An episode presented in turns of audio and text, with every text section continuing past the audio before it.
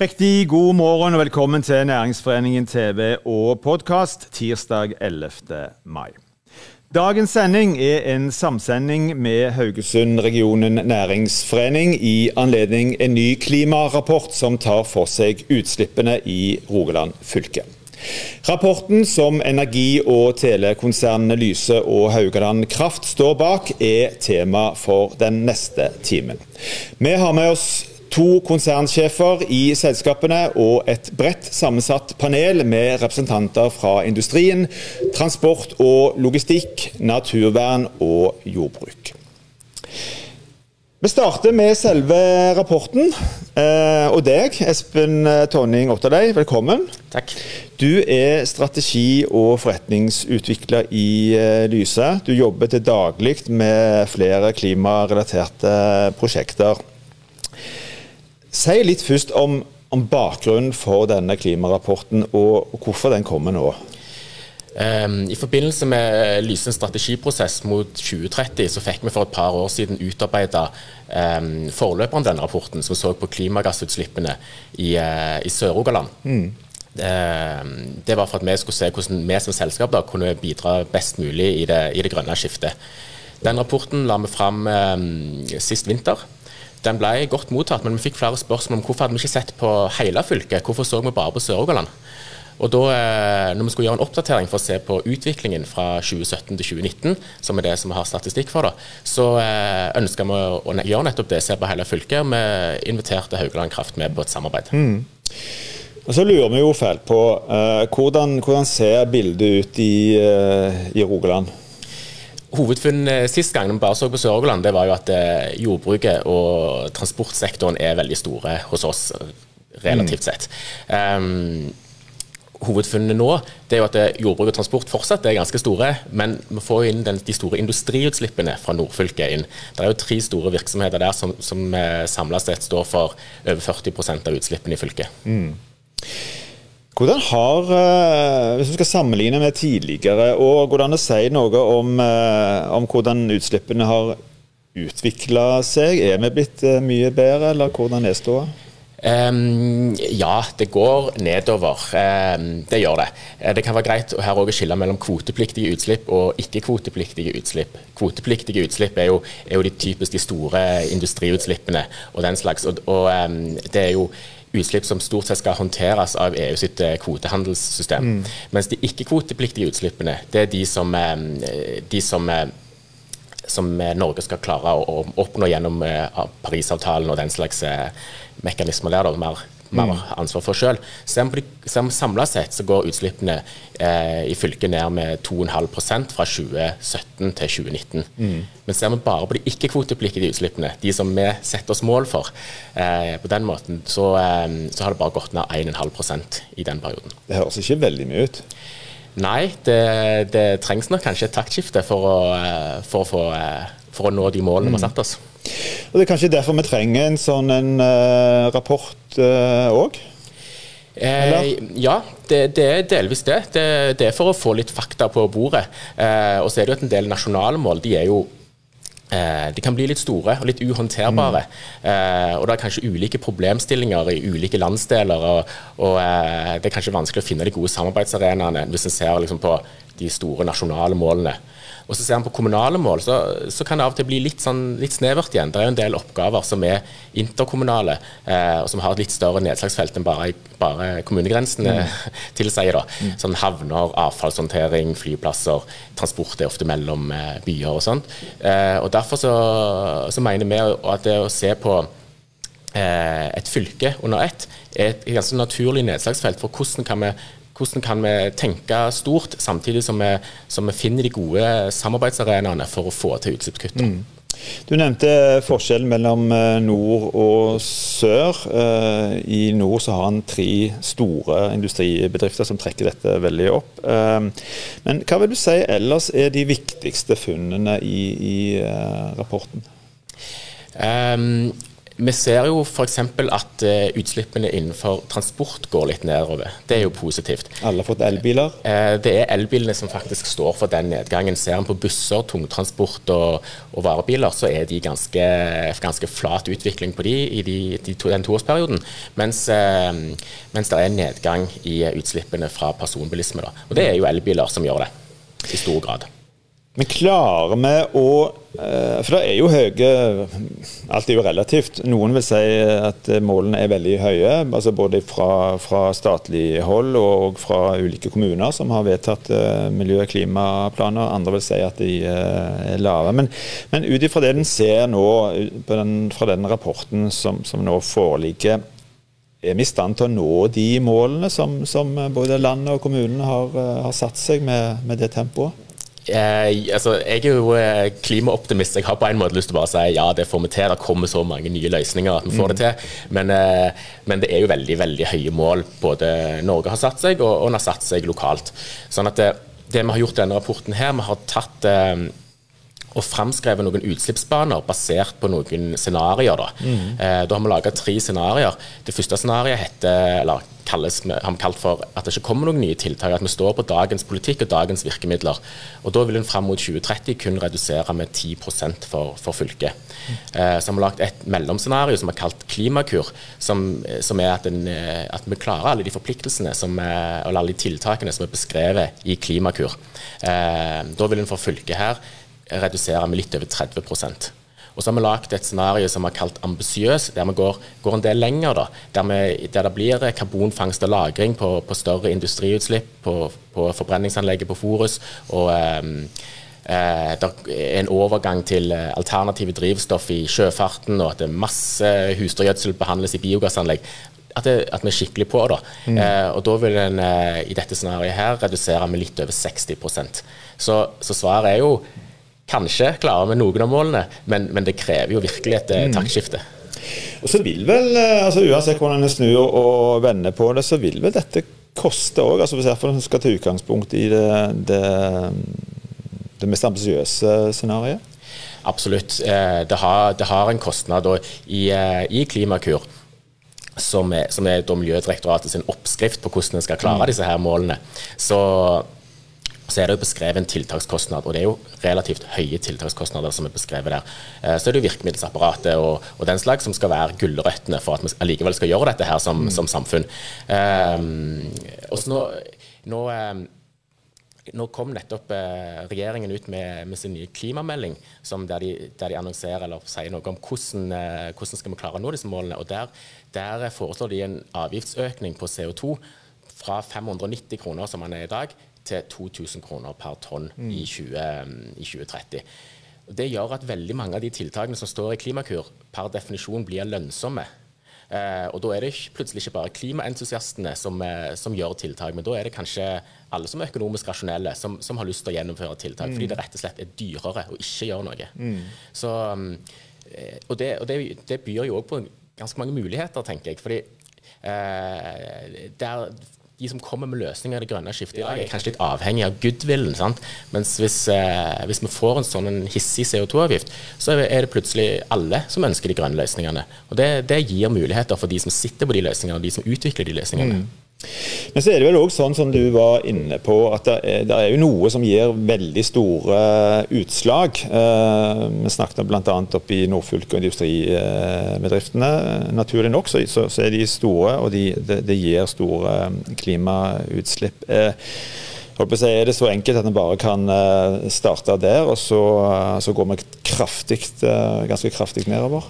Det er klart at å, å ta ut eh, store enkeltutslipp eh, vil, vil, ha, vil, gi et stort bidrag. Mm. Samtidig så er jo, det, så er jo det òg varer og tjenester. De produserer jo noe som, som samfunnet trenger. Mm. Eh, og, og, for å klare å nå målene, så, så mener jeg vi må, vi må, starte mange steder. Vi kan ikke bare si vi gjør bare det eller bare det. Det, mm. det er mange tiltak parallelt som må, som må til for at vi, for at vi skal komme i nærheten av de målene vi har satt oss. Hva, hva, må til, hvis en skal være liksom helt, uh, prøve veldig konkret? Uh, både for uh, vanlige folk og for næringslivet, for industrien, hva det måtte være. Hva, hva, ser du for deg må til for å levere på de, på de målene som en setter seg?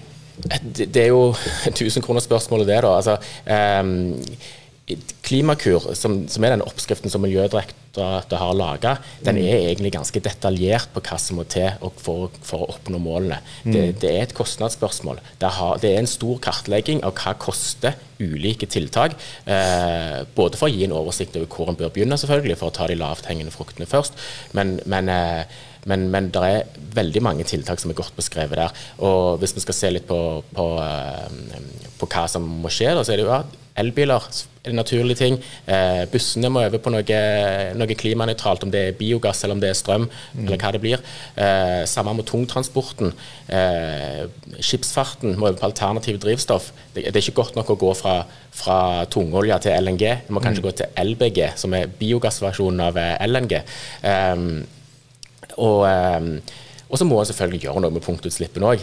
De her industriutslippene og sånt, det, det, må gjøres noe der òg. Og der er det, Noe av det kan kanskje elektrifiseres, og, og noe av det må kanskje håndteres gjennom karbonfangst. da. Men, det, men det svaret er liksom, det må, det må mange ting til for å klare disse målene. Mye av dette her skal vi komme tilbake igjen til i løpet av uh, denne sendingen. Um, Espen Tonning Otterlei, tusen takk for at du kom til oss. Lykke til med arbeidet ditt. Takk skal du ha. Lyse presenterte sin første klimarapport for snart eh, halvannet eh, år siden. Da omfatter rapporten kun utslipp i Sør-Rogaland. I den nye rapporten er Rogaland for første gang samla til ett utslippsrike, for å kalle det for det. Eimen Nygaard, velkommen til oss. Takk. Du er konsernsjef i uh, Lyse. Jeg må nesten spørre deg òg. Hva er bakgrunnen for at, eh, at, eh, at konsernet har valgt å, å utarbeide en, en klimarapport? Eh, det viktigste var at vi av og til kunne bli litt forvirra av alle innspillene som kom til hva Lyse burde gjøre. Mm. vi vet jo at Lyse har en rekke muligheter som, som, som, som den bedriften vi er, som leverer energiløsninger. Men forslagene var mange, og de var ganske sprikende. Og det var for å, få, for å, få, fakta inn i debatten, sånn at vi hadde mulighet til å begynne å prioritere hvordan vi skulle jobbe. Mm. Hvorfor eh, er klimarapporten viktig for, for, eh, konsernet for Lyse i arbeidet med å redusere klimautslipp? Jo, Litt av det jeg sa. Eh, vi vet at vi sitter på en del virkemidler. Eh, og Da må vi være sikre på at vi begynner i, i, i rette rekkefølgen. Mm. Eh, sånn at vi tar de lavest hengende fruktene først. Eh, ikke det som ser stort ut, men som mm. kanskje ikke er det. Og, det er ikke alltid, syns jeg, at denne debatten har vært fundert på fakta. Eh, men av og til på litt sånn lettvinte politiske utspill og sånn. Mm. Og da blir det vanskelig for en organisasjon som, som, som våre til liksom å si ja, men var det rett å prioritere det, da? Vi vil jo sånn sett alltid gå for lønnsomme løsninger som vi òg kan tjene penger på. Men, men, i denne sammenhengen her så er det viktig å kunne sortere litt, tenker jeg. Mm. Olav Linga, velkommen. Du Takk. står bak meg her, jeg må snu meg litt. Eh, du er konsernsjef i Haugaland eh, Kraft. Eh, dere er med på denne rapporten nå for første, for første gang. Hvorfor var det viktig for dere å få et, en oversikt, få en, en klimarapport som òg tok for seg Haugalandet?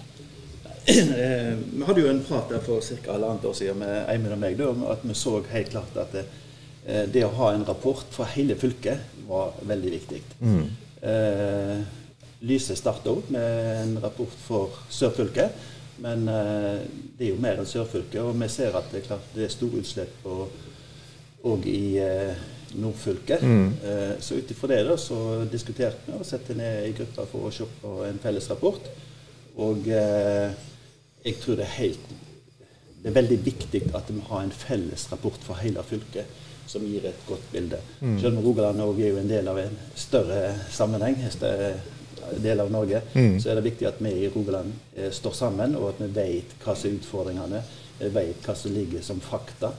Og ut ifra det så kan vi òg eh, sette i gang tiltak. Var det overraskende for deg at, eh, at nordfylket sto for en såpass høy andel av utslippene? Det steg jo veldig når dere, når dere ble med. ja. Ja. nei, det er helt klart uh, Det ble jo uh, en helt annen rapport. For det er klart når du har ca. halvparten da, er utslipp fra nordfylket, og det er jo en del større bedrifter mm. som er årsaken til det. Det var vel ikke så veldig overraskende. For klart, Med den tungindustrien som ligger i eh, nordfylket, så, så, har de store utslipp som påvirker totalregnskapet.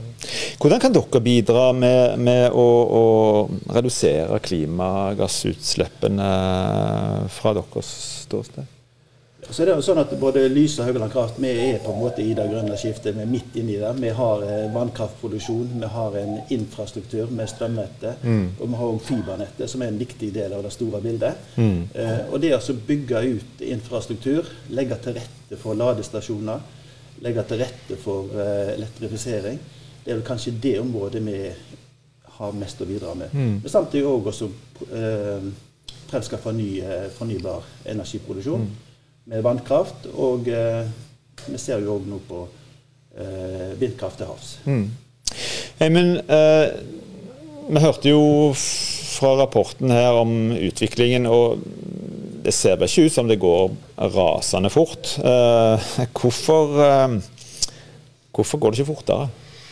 Det er et vanskelig arbeid, og, og, det vi skal ta vekk altså, En må jo se dette relativt sett. Da, for på mange vis på mange vis så hadde jo vi det grønne, det grønne skiftet for over 100 år siden fordi at vi allerede produserer så mye vannkraft. Mm. sånn at hele energiproduksjonen vår er jo grønn i utgangspunktet fra før.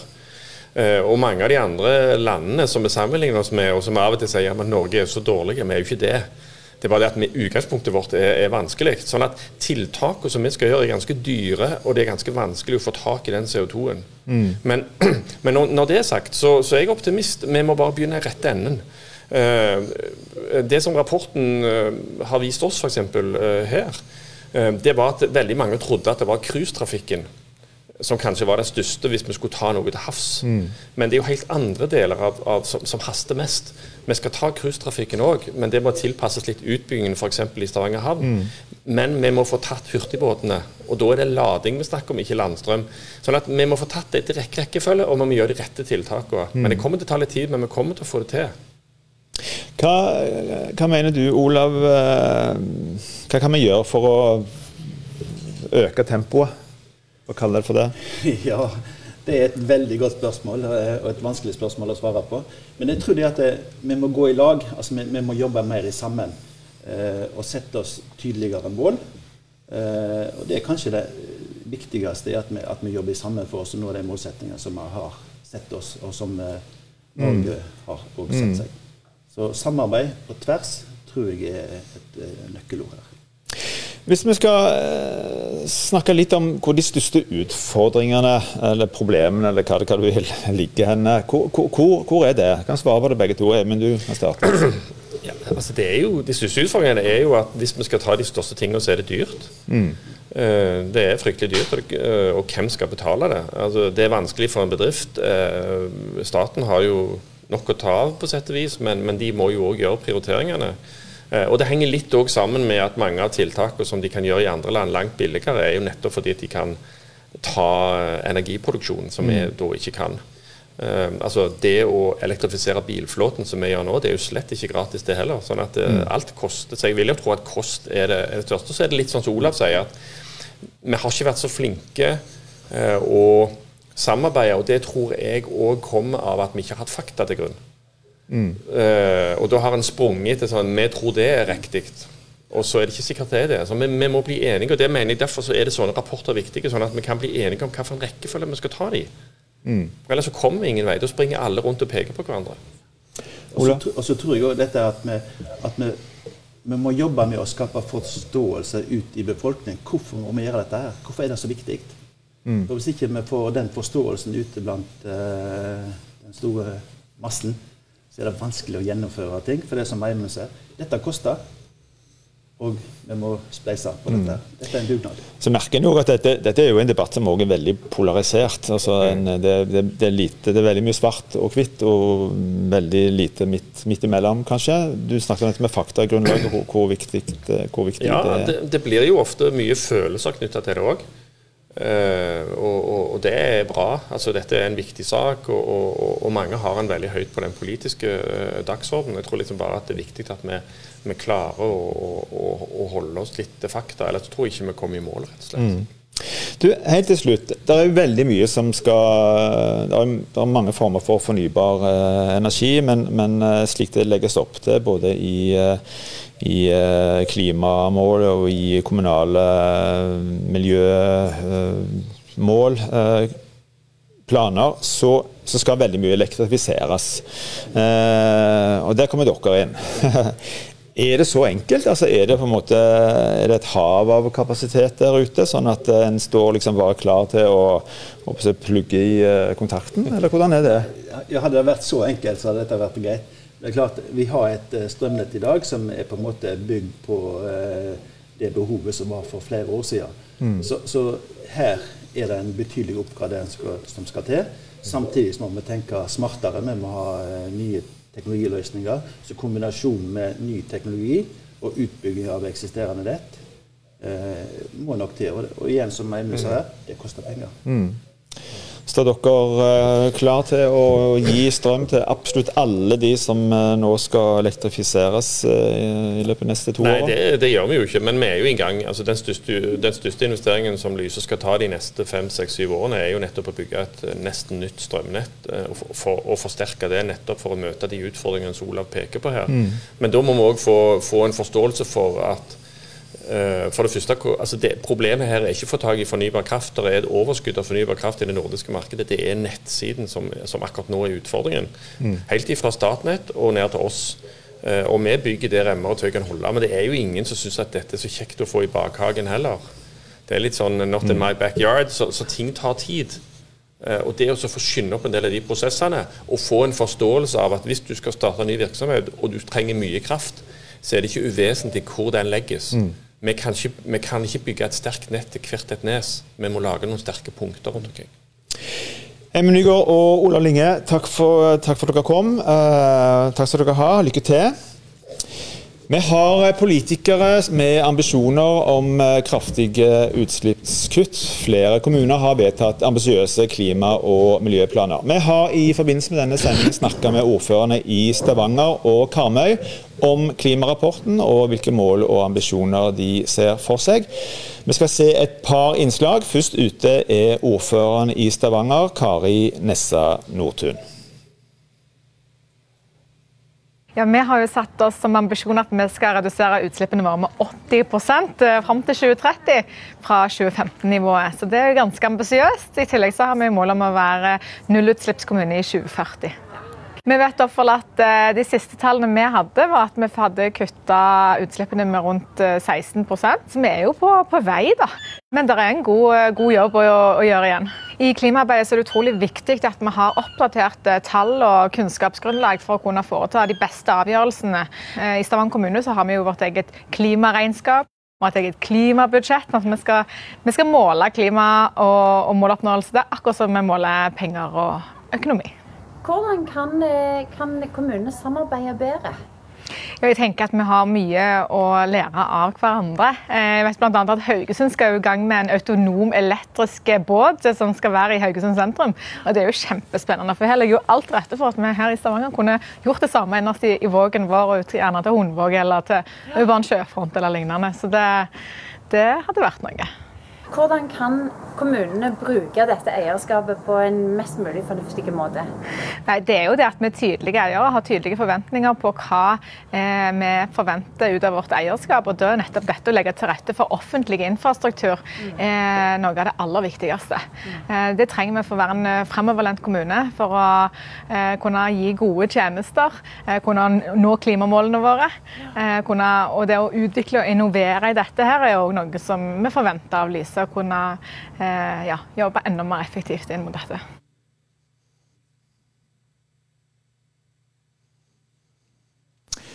Også ordfører Jarle Nilsen på Karmøy har lest eh, rapporten. Vi har fått overspilt eh, dette intervjuet, som er gjort av Gunn Evi Austad, som er kommunikasjonsrådgiver i Haugaland Kraft. Da har vi med oss eh, Karmøy-ordfører Jarle Nilsen. Eh, og Jarle, hva betydning vil du si at denne nye rapporten har? Ja, Denne rapporten har eh, stor betydning. fordi at Den gir oss status på miljø- og klimahelsa generelt i Rogaland. Og selv om CO2-utslippene går ned, så merker jeg meg at vi på Haugalandet har høye utslipp innenfor olje, gass og industri. Så det må vi jobbe sammen med å kunne få redusert. Og så ser jeg at eh, Gassco, som er en Karmøy-basert bedrift, de har klart på to år å redusere sine utslipp med 55% Så det viser at med å ha fokus på dette arbeidet, innføre nødvendige ressurser, det gir òg gode resultater. Så vi er motivert til å jobbe enda mer med dette enn det vi har gjort tidligere. Hva er Karmøy kommune sine ambisjoner for å nå klimamålene innen 2030? Ja, akkurat nå så jobber vi jo med å revidere både klima- og miljøplanen vår og samfunnsplanen. Da er det viktig at vi setter et mål som bygger opp under de forpliktelsene som Norge har i forhold til Parisavtalen. Men eh, vi må òg jobbe med innkjøpsstrategien vår for å stille strenge miljøkrav der. I tillegg så har vi nettopp innført en ny avfallsstrategi som har betydning både for de private kundene og næringskundene.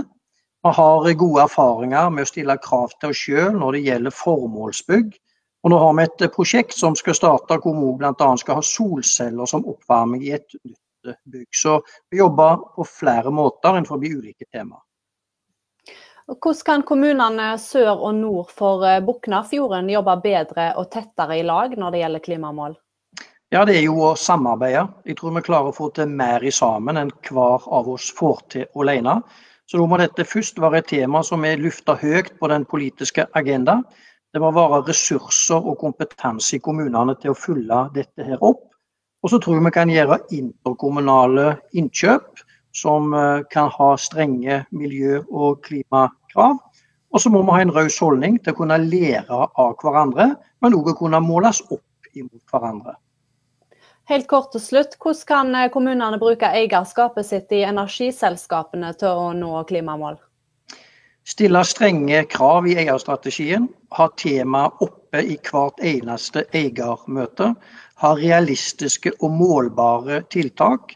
Og lære at vi kan gjøre kloke ting som vi har gjort med havnekraft, som er samarbeid mellom Karmsund havn og Haugaland Kraft. Og ikke minst de erfaringene vi allerede har fått med Deep Wind Offshore, der eh, Haugaland Kraft jobber både med offentlige og private aktører. Så For å løse den globale krisen, så må vi finne lokale tiltak, og det må vi samarbeide om. Hva må til for å lykkes med å nå målene om høyere utslippskutt, og hva for noen konsekvenser vil det ha? Det er noen av de spørsmålene vi skal se nærmere på nå. Vi har med oss et panel bestående av Tine Åsmundsen, HR- og kommunikasjonsdirektør i Karmsund havn. Kåre Bjarte Bjelland, direktør for strategi og kommunikasjon i Eramet. Wenche Skorge, styremedlem i Naturvernforbundet. Grete Skundberg, kommunikasjonssjef i Columbus. Og Marit Epletveit, leder i Rogaland Bondelag. Wenche Skorge, god morgen. Du er styremedlem i eh, Naturvernforbundet. Hva må til for å få til et utslippskutt på på 62% som vi hørte var et av de scenarioene som, som rapporten eh, legger opp til.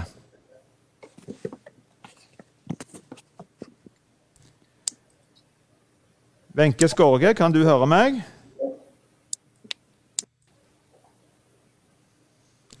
Nei, vi kan ikke høre Wenche Skorge. Tine Åsmundsen, da starter vi, går vi videre til deg. Hører du meg?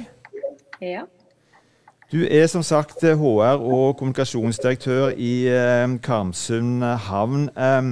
Vi var inne på det litt her tidligere i forhold til sjøfarten. Rapporten viser at eh, sjøfarten står for ca. 16% av utslippene. Er det først og fremst landstrøm som er, som er eh, svaret? Det er i hvert fall helt avgjørende for den delen av utslippene som foregår mens skipene er i havn.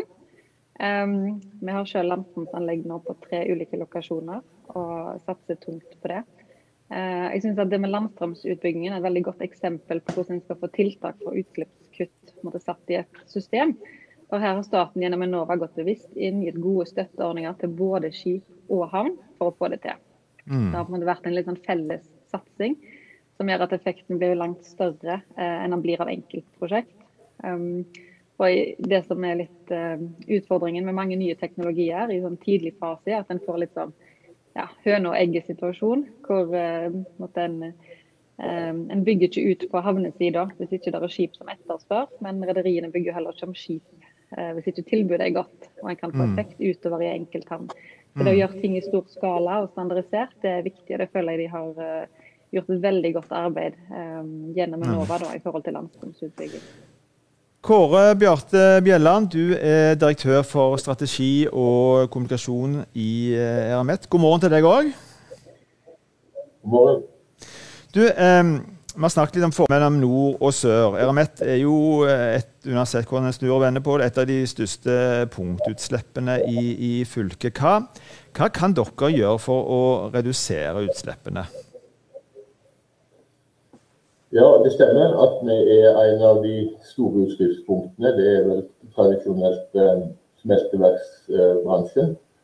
Eh, så er det jo viktig å nevne da, at vi leverer og lager produkter som trengs for det grønne skiftet, og at vi i vår bransje er, er de beste på det i dag. Selvsagt eh, i stor grad takket være fornybar kraft, men òg pga. den kompetansen vi har tilegnet oss gjennom 100 år med med gode rensesystemer osv. Eivind Nygaard sa noe veldig klokt, og det, det, er motivasjon for oss. og det at eh, Vi har vært gjennom grønne skift før i Norge.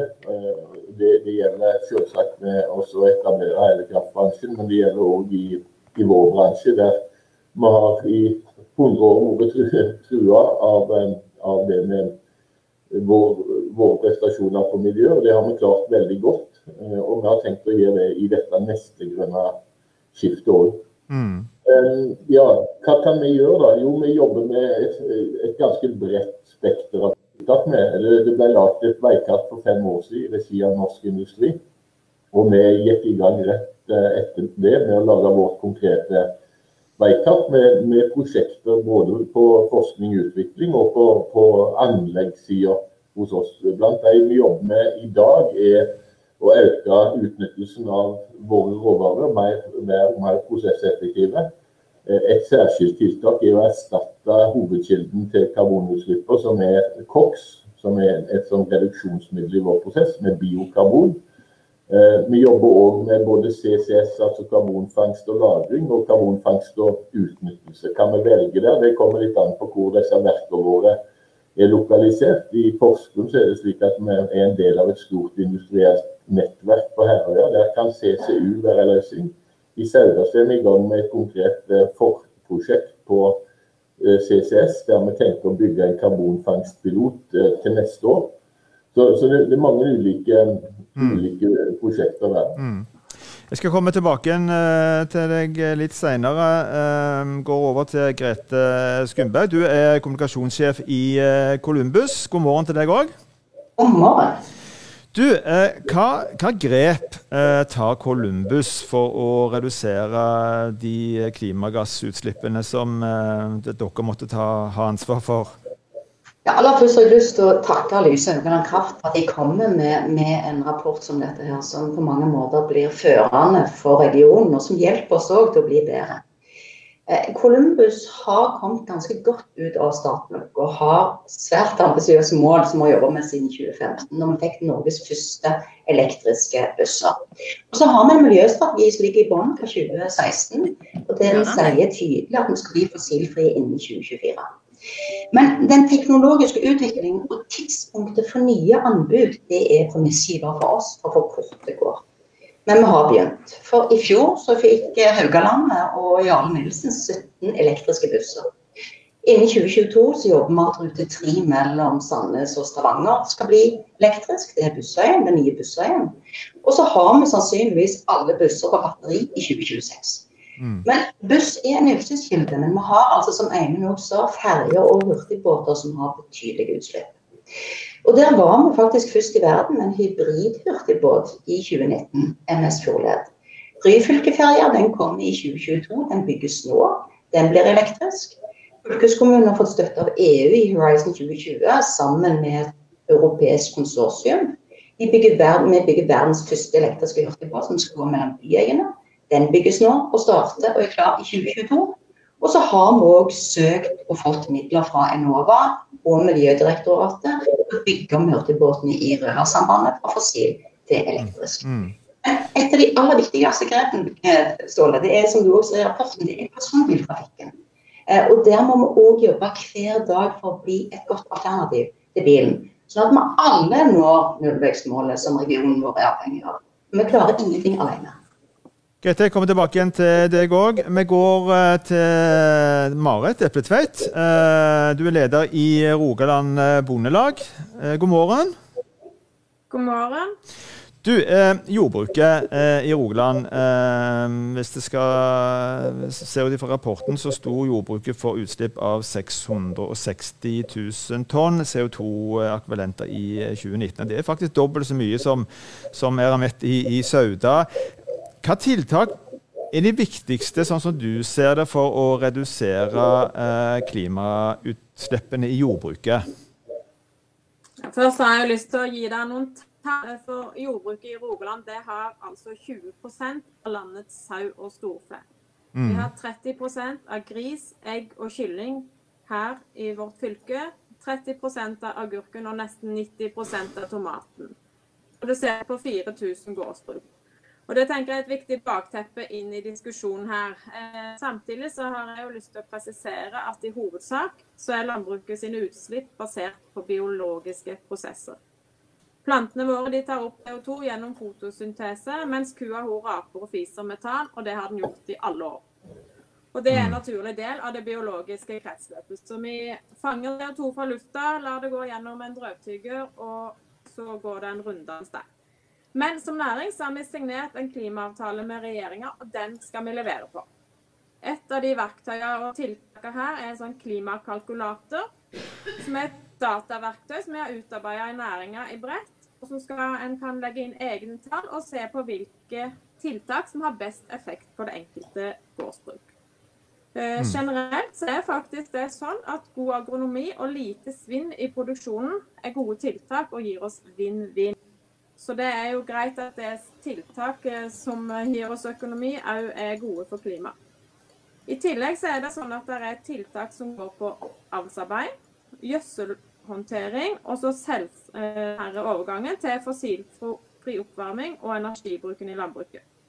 Så det er et par spennende tiltak som jeg har lyst til å nevne for dere. For der er, det ses nå på ulike tilsetningsstoffer i kraftfôret som gjør at dyra skal ha mindre utslipp av metan etterpå, eh, som binder metan på en måte. Og det ses på CO2-fangere som skal hente CO2 fra lufta til bruk i drivhus. Så det er sånn spennende tiltak som er på gang nå for å redusere klimagassutslipp. Mm, mm. Jeg eh, hadde problemer med å få kontakt med Wenche Skåge i stad. Kan du høre meg nå, Wenche? Nei, får jeg beskjed om fra tekniker. Da får vi bare gå, gå videre. Tine eh, Åsmundsen, Karmsund eh, havn. Vi snakket om dette med, med, med, landstrøm og viktigheten av det. Men hva, hva ser du for deg eh, av andre tiltak som, som, eh, som eh, havnene kan gjøre? Håper eh, jeg bidrar med i arbeidet med å, å redusere utslippene i, i tiden fremover? Eh, det er jo nevnt noen tiltak i, i, rapporten, um, bl.a. dette med alternative drivstoff. Um, ser vi for oss at vi vil tilby etter hvert. Vi ser bl.a. hydrogensatsingen blir større og større nå. Det er klart Vi må hjelpe skipene til å slippe ut mindre òg mellom havnene, kun når de ligger inne tillegg så blir jo fartsreduksjon trukket frem som en viktig tiltak innen um, sjøfarten. Um, da er det viktig at vi leverer mer effektive havneoperasjoner, sånn at de faktisk kan bruke mindre tid uh, i havn for å kunne senke farten når de er til sjøs. Mm. I tillegg så Det vi kanskje jobber aller mest med, det er jo rett og slett godsoverføring. Å flytte gods fra vei til sjø over lange avstander. Vi vet at utslippet per tonn av gods du flytter, Eh, er under halvparten um, selv på de minste godsskipene i forhold til å kjøre de på bil. Hvis du dobler størrelsen på skipet, så er du nede i 25% av utslippene for å flytte det samme godset. Mm. Um, det er jo trukket fram i, i Klimakur og noe som vi jobber mye med. Både å flytte gods til eksisterende skip og legge ord til rette for, for at vi kan ta imot enda større skip, som vil Nemlig. være enda et tiltak. Jeg tror jeg har fått beskjed om at Wenche Skorge, styremedlem i Naturvernforbundet, er med oss. Hører du meg, Wenche? Wenche Skorge, kan du høre meg? Nei, da gir vi opp for godt, tror jeg. Vi går over til Kåre Bjarte Bjelland i Eramet.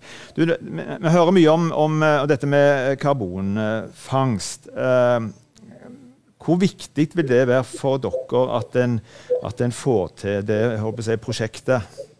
Er det, er det, det som er på en måte hovedveien å gå? Per, nå så tyder veldig mye på at uh, vi ikke klarer oss uten karbonfangst.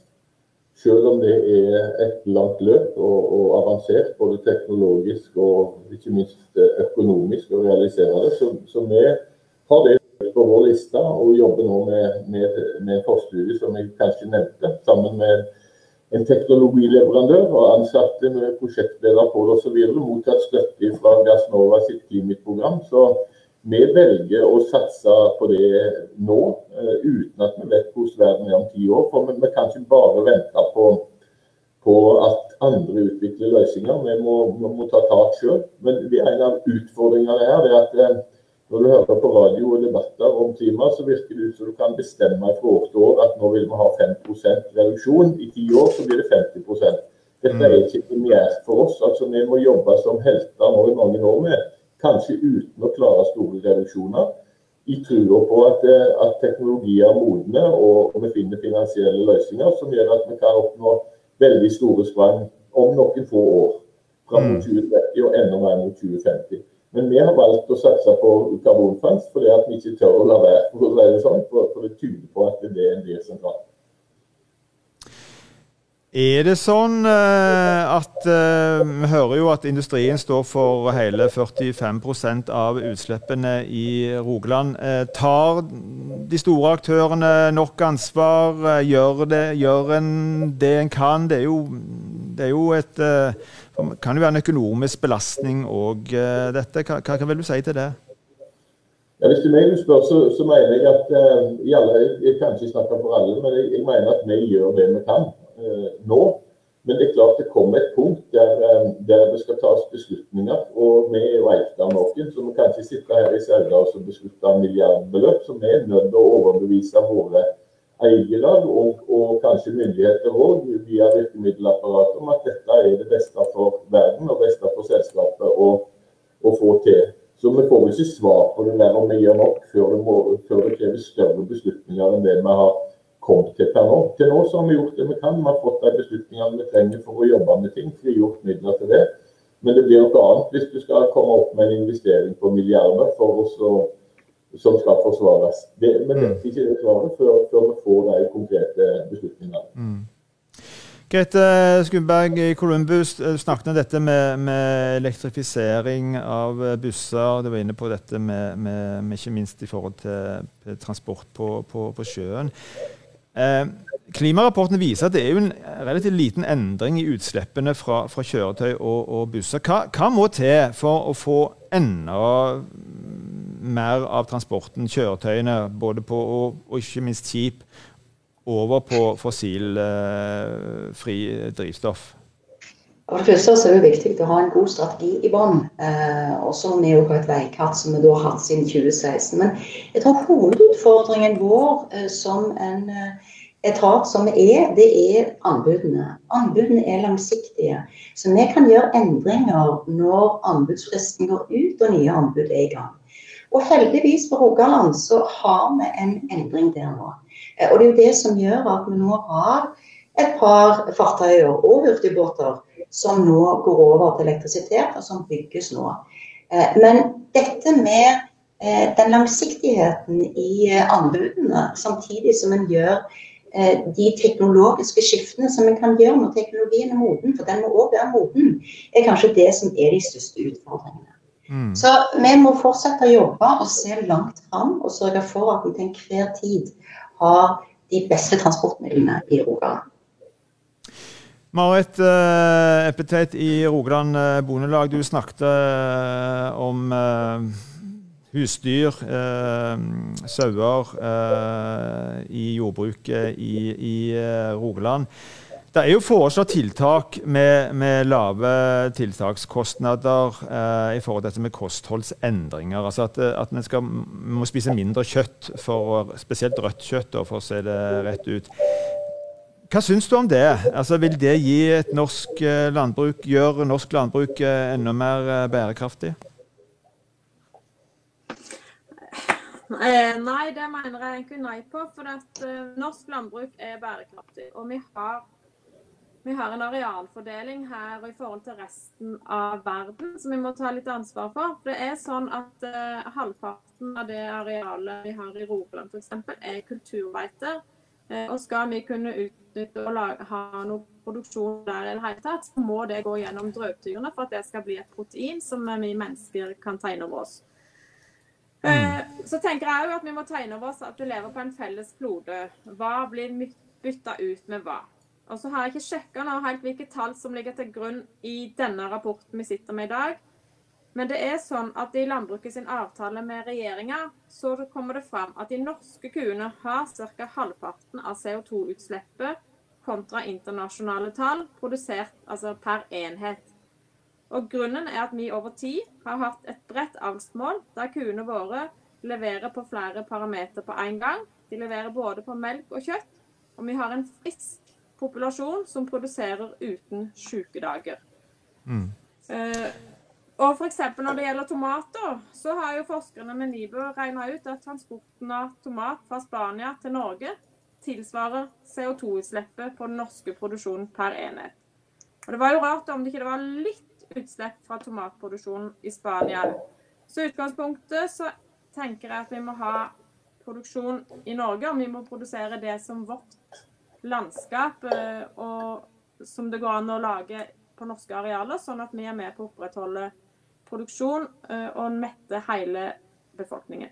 Mm. Altså, vi, vi, skal gjøre et siste forsøk med for å for å få Wenche Skåge med oss. Eh, Wenche, eh, kan du høre meg nå? Nei. Det var det aller, aller siste forsøket. Eh, synd at ikke vi kunne høre deg. Eh, jeg vil tilbake igjen til deg, eh, Tine. Vi har jo snakket om, om behovet for elektrifisering i, i, i sjøfarten. Men hvor, hvor langt hvor langt er en kommet eh, i sjøfarten hvis en sammenligner med elektrifisering innenfor andre typer transport, eh, mener du? Eh, men det varierer litt fra segment til segment, òg innen, eh, innen, sjøfart. Eh, vi ser at den, de segmentene som har lengst liggetid i havn, er de som er mest aktive, som har vært best på å bygge om. Vi opplever at cruiseindustrien og offshore og subsea er de som er lengst fremme hos oss. Mm. Som et eksempel så ser vi at I 2022 så har vi booka inn ca. 120 cruiseanløp. Um, og 110 av dem kan ta imot landstrøm. Så da har det kommet ganske, ganske langt. Um, på offshore- og subsea-basen vår så ser vi òg en veldig stor etterspørsel etter uh, landstrøm. Um, der skulle vi veldig gjerne tilbudt det på alle kaier. Uh, så vi jobber vi sammen med Haugaland Kraft. I, vi har jo startet et felles selskap, Havnekraft, som jobber med disse tingene. For vi ser, uh, som det ble nevnt tidligere, at det, utfordringen ligger egentlig i, i strømnettet. Å få nok eh, strøm inn på eh, havneområdene i forhold til den etterspørselen eh, som er. Men eh, det ble sagt i gangen her tidligere i uka at det er nesten blitt sånn nå at når de ringer fra rederiene, så spør de først har du strøm. Og hvis du sier ja, så spør de ja, har du kai òg. Det, det, er blitt veldig viktig. Um, så tror vi at de andre segmentene vil komme, um, komme etter mm, hvert. Mm, mm. Kåre Bjarte Bjelland, eh, ser du for deg at Eramet på et eller annet tidspunkt inn i fremtiden skal klare å produsere med null utslipp? Ja. Hvor langt frem må vi da? Hvis vi er kjempegode, så tror jeg vi kan eh, Nå er det jo flere verk i Eramet, men hvis vi snakker om Sauda nå, siden vi er i Rogaland, så, så, kan vi klare det eh, tidlig på 30-tallet hvis vi har skikkelig medvind og heimlengsel og alt som, som trengs. Men da, men da må det legges da må vi lykkes selvsagt selv med teknologiutviklingen, og så må vi finne økonomiske løsninger på det. Men i, i veikartet vårt så snakker vi 2050 fortsatt. at det, det, Målet er å være på null da. og Det er mm. det som er hovedsporet vårt nå. Men mm. eh, det arbeidet vi gjør nå, hvis vi gjør det i året som kommer, så tror jeg iallfall vi vet hvordan vi skal være på null i 2035. Men, men det å få det til, det, det er en annen historie, som, som sagt. Mm. Jeg vil også nevne det at eh, vi, vi jobber òg med f.eks. det med landstrøm. For å legge til rette for det som heter Scope 3 da, med, med rederier. Vi har 300 båtanløp i Sauda hvert år.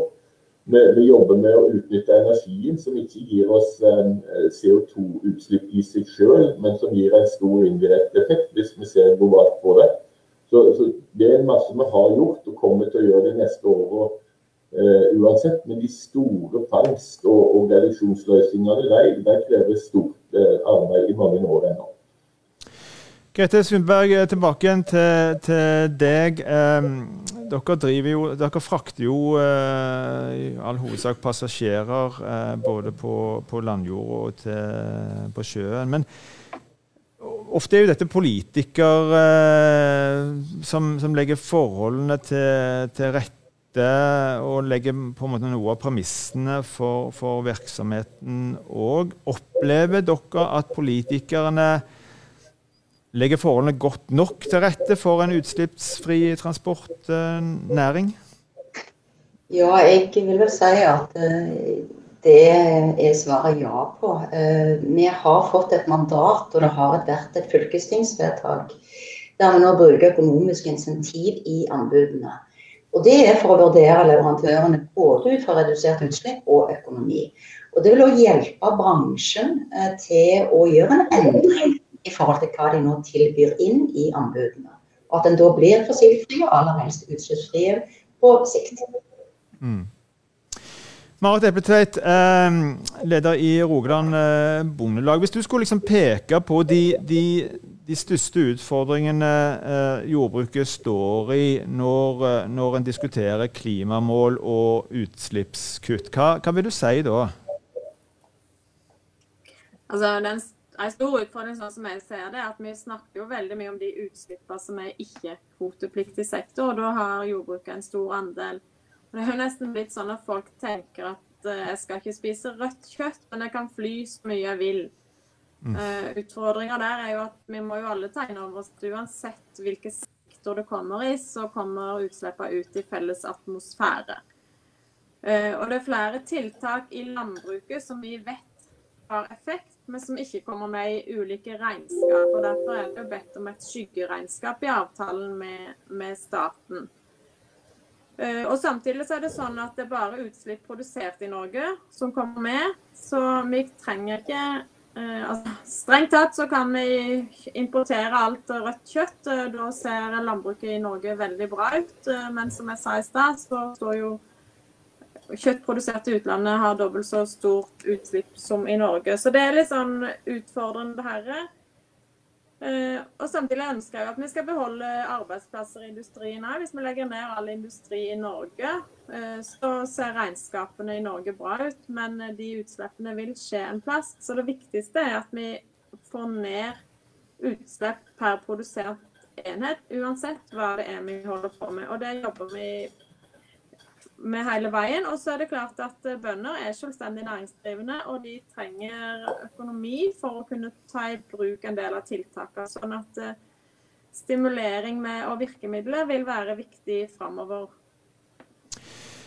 Det var det vi rakk og fikk tid til. Vi begynner å nærme oss uh, slutten. Vi skal ha med oss Eimin Nygaard og Olav Linge for å ta en liten oppsummering helt til slutt. Men uh, Eh, Tine Åsmundsen, Kåre Bjarte Bjelland, Grete Skundberg og Marit Epleteit, tusen takk for at dere var med oss. Og til Wenche Skorge, som jeg dessverre ikke fikk hørt ved denne anledning. Takk skal dere ha, og lykke til. Vi har noen få minutter igjen. Eivind Nygaard og Olav Linga.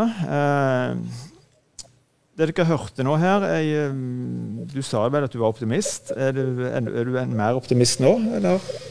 Jeg, jeg, jeg synes at altså Jeg hører jo optimistiske toner, og jeg hører en felles vilje. Og jeg, jeg hører òg at Uh, det er veldig enighet, tror jeg. Vi begynner å se en enighet om, om mm. rekkefølgen på, på, tiltak. Og så er det klart innenfor hver sektor så vil, vil det, noen, det er lettere for noen enn andre. Mm. Uh, og det er jo rett forståelig. Du, du eh, har brukt det uttrykket jeg tror du sa lavt hengende frukter. Mm. Det hørtes uh, fristende ut. Men hva, hva, hva legger du i det? Nei, Det er de billigste tiltakene. Mm. Eh, Som f.eks.? Altså, det vi snakker om nå, er jo å få tatt eh, men Relativt sett så må vi få tatt transport her. for det eh, altså I sør, sør eh, så, er det, så, er det, mye, det er det i nord òg. Det, det, er mye transport. Mm. Og det er de lavest hengende fruktene med de laveste tiltakskostene. Så vi, vi må få tatt det. Eh, og det er veldig oppmuntrende å høre Columbus, syns jeg. Mm. Eh, jeg har kjempa lenge for at vi må få buss over. Eh, og hvis vi nå klarer å få hurtigbåter og ferjer over òg, så, så, tenker jeg at vi har eh, gjort et ganske godt jafs. Mm. Ola Linge, så, så, hører vi jo fra ERMET her at de har eh, ambisjoner om å få ned eh, utslippene til null lenge før 2050. Eh, hva syns du om det? Jeg syns det er veldig spenstige tanker. Ja. og de har jo gode planer. Når vi hører på det som blir lagt fram her i dag. Så, så eh, jeg tror de klarer det. Mm. Er du, du, er optimist? Jeg er alltid optimist. Du, hva, hva, eh, nå er jo dette en klimarapport som eh, ble lagt frem nå, eh, som forhåpentligvis blir grundig brukt, både av politikere, næringsliv, hvem det måtte være.